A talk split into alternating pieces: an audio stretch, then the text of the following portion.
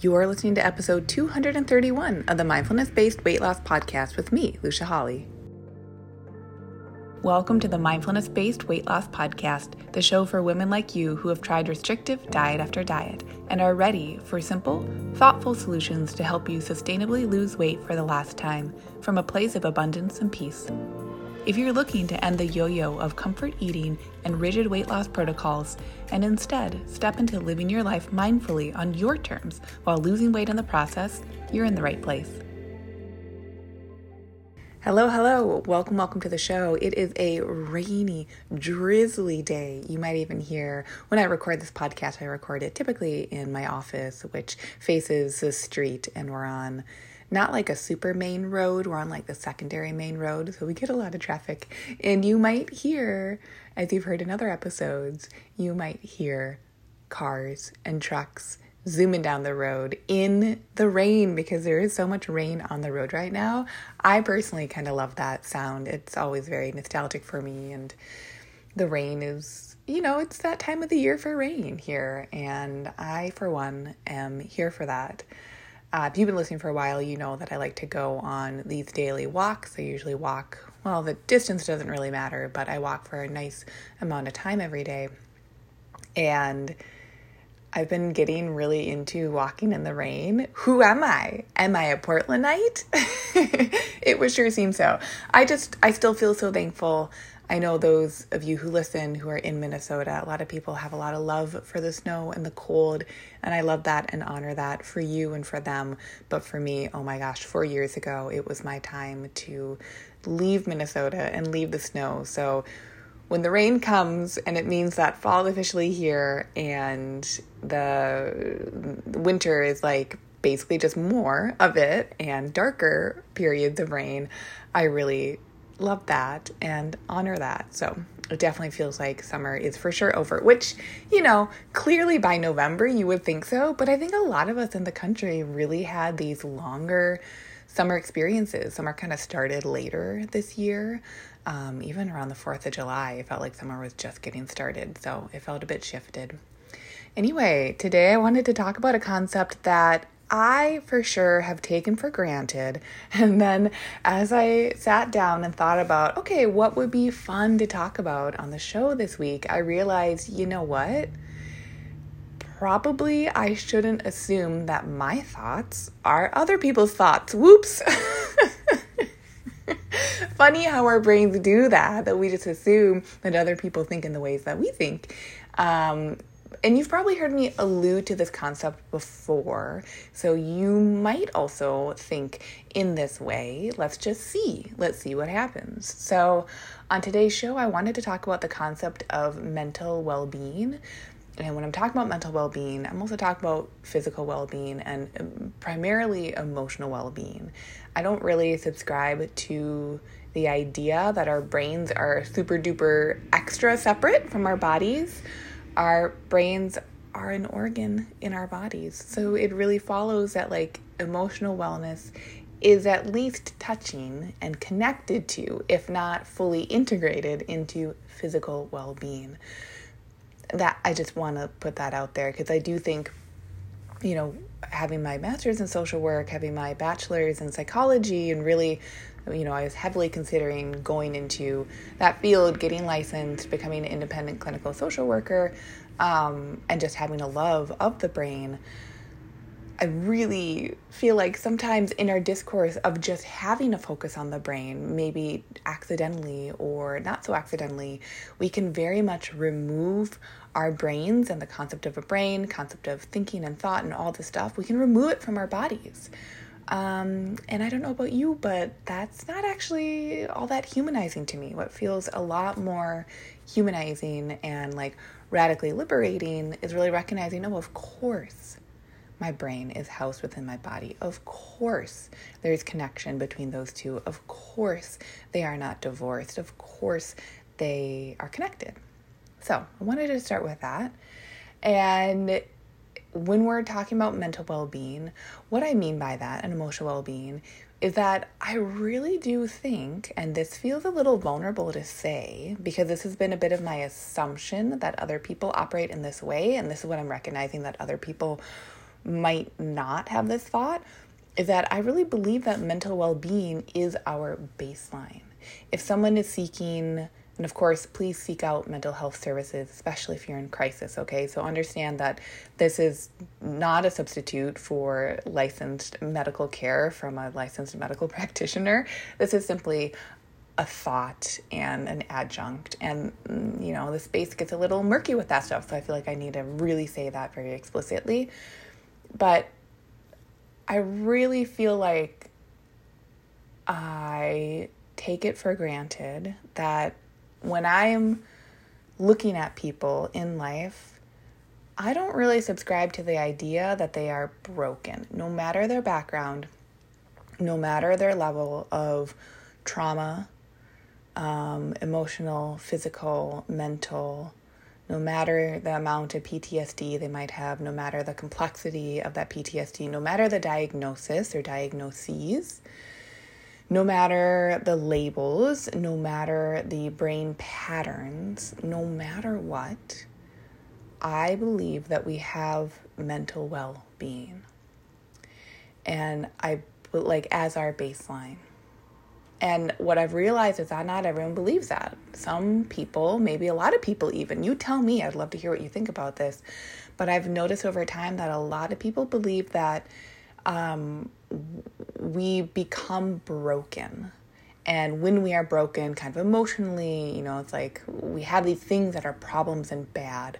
And we're not actually trying to get to back to a basis of well being. I think a lot of people believe that if we are broken, then we're just trying to fix problems to get good enough. And that's what I really can't get behind because I feel like if I really step back and look at how humans function, that thought doesn't really work because our baseline of mental well being is informed by our inner wisdom.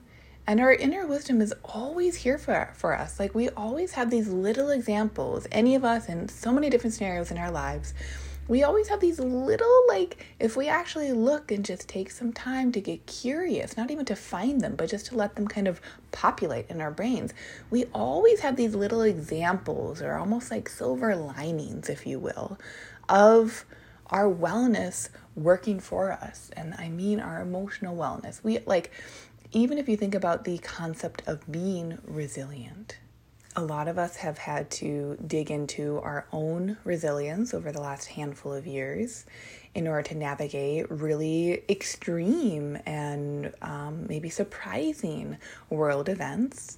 And a lot of us are continuing to do so. And what is resilience really? It's just having different thoughts about shared circumstances thoughts that move you through a circumstance that other people might have thoughts about that would generate feelings of stuckness or feelings of defeat or feelings of hopelessness. I think if you look at humans who are creative, and I also think all humans are creative, we just have different ways we express it. That's a subject for a different podcast. If we look at how humans express themselves,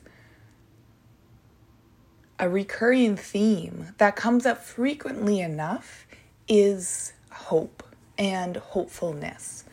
Call it resilience, call it hope. I think they can be a bit interchangeable here.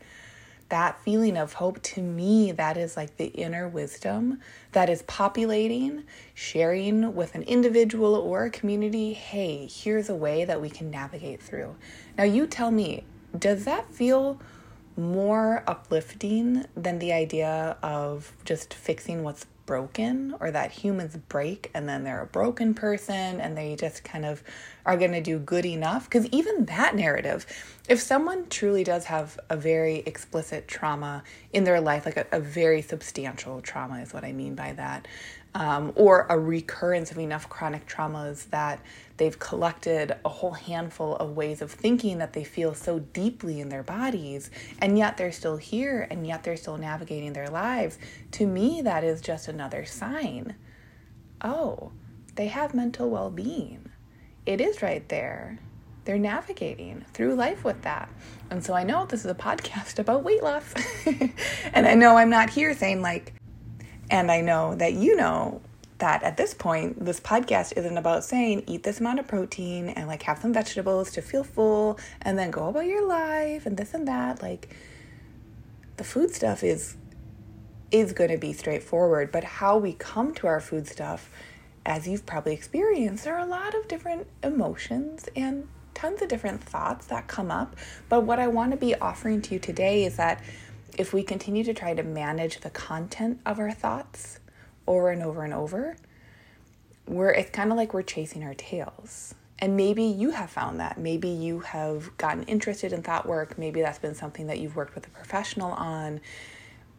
There are lots of different strategies and um, ways that we apply structure to thinking about our thoughts and the meaning that we make from that.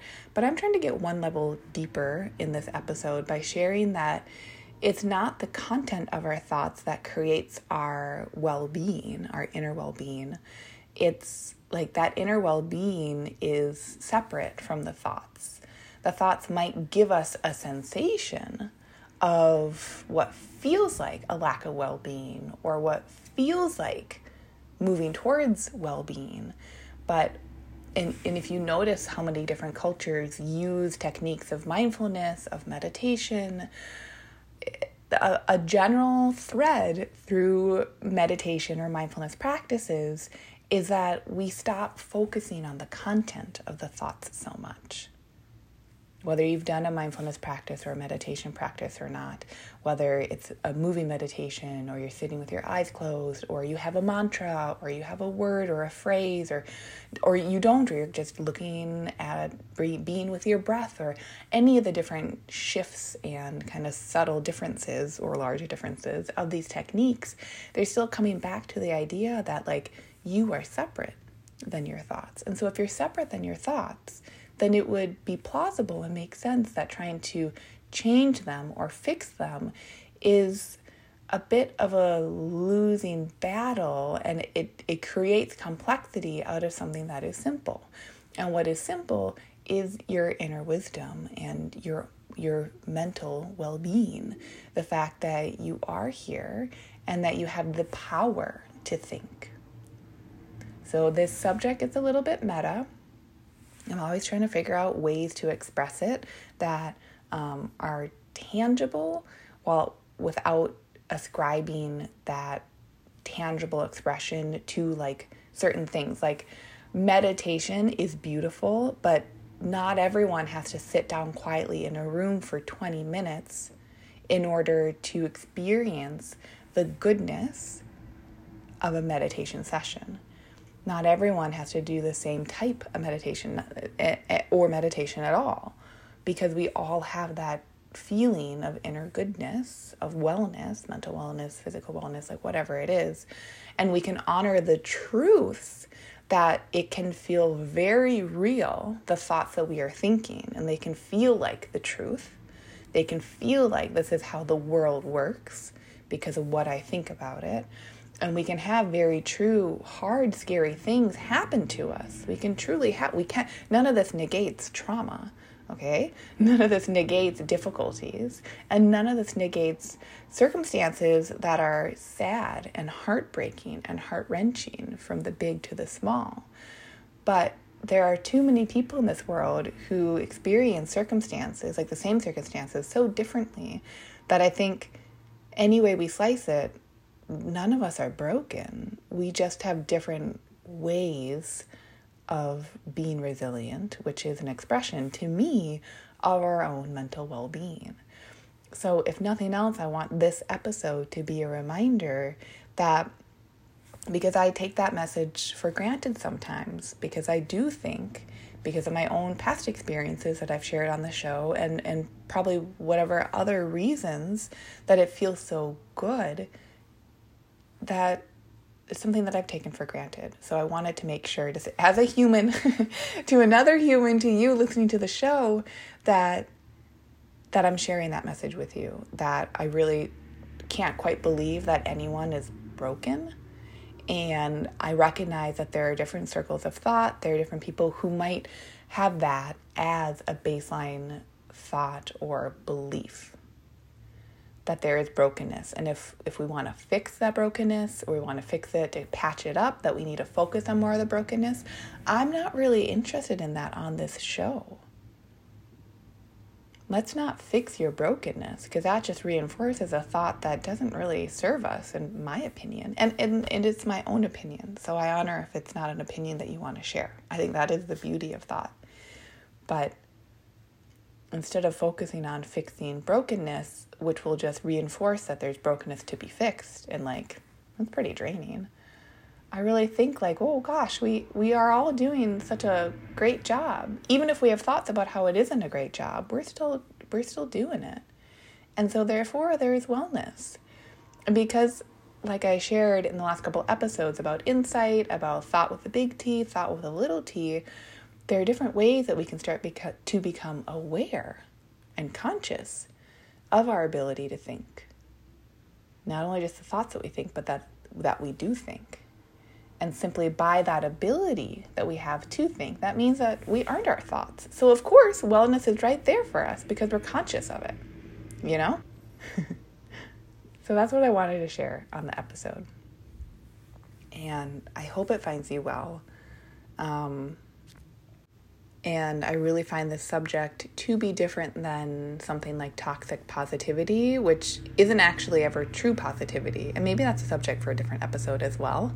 Toxic positivity or kind of like that fake spirituality doesn't ever tap into like the trueness. So I'm just throwing that out there that I recognize that talking about everyone having wellness, no matter their circumstance. And there are a lot of different circumstances. Everyone having the ability to come back and tune into their own innate wisdom, their own innate wellness. We all have the capacity for that because that wellness has been serving us our entire lives. We just might have had certain thoughts because of that wellness, because it, it, it it's like our power to think is part of that wellness I think you get what I mean. Is that I just hope, like, I am a real human. I'm a real human who makes this podcast every week. And sometimes I think there's a power differential between um, people who are talking about wellness or they're trying to sell something or share something clearly I have coaching services. I have a like a self-study program. So I do sell things. But my hope and intent isn't that this info this information ever comes to you and is trying to like work on any feeling of scarcity that you have because to me that that reinforces that whole dialogue of brokenness that just isn't true. I just think that like when we focus on our wellness, and that stuff, like it is so fun what we can create. Same goes for our bodies. No, we don't focus on bad body image. We don't focus on our what feels so bad about our relationship to food. We get to focus on the truths of the moment of the goodness that does surround us because no matter what, if you would like to look for goodness, it is there. And that is what I think is so powerful that's why I show up here every week and share this stuff that feels like, honestly, it's not about me, which is why it's like I'm putting my heart out on the table because I'm just like, okay, slice it up, do what you will with it. Uh, because I guess it is something that needs to be and continues to need to be shared. Is that if you would like to honor kind of a principle of truth, I really believe that there is a principle that you have inner wellness and that all the ways that you have lived your life are actually proof of that, not proof of brokenness. So, man, I hope that that episode made sense. I know it will, um, but just as always, do with it what you'd like. Do with it what you'd like. That is the purpose of this show. Um, is what motivates me to come here and share these I think I used to call these like little love notes and little love letters because that's what they are. It's just usually what 20 minutes of me to sharing with you, hopefully human to human. Um, so, yeah, I'm going to leave it at that for this week. And thank you so much for being here. I will see you next week and enjoy your weather, whatever your weather might be. Until then, bye. Hey, if you love today's show, I'd love for you to take a minute and give a rating with a review. If you too are ready for more women to make life choices from loving mindfulness, that means we need more women listening to this message so they know it's available to them and they can do it too. And if you're ready yourself, come join Lean and Liberated, where we'll work together and you'll learn how to take this process to the next level in your weight loss goals, life desires, and beyond. Go to luciahawley.com, that's L U C I A H A W L E Y.com to connect.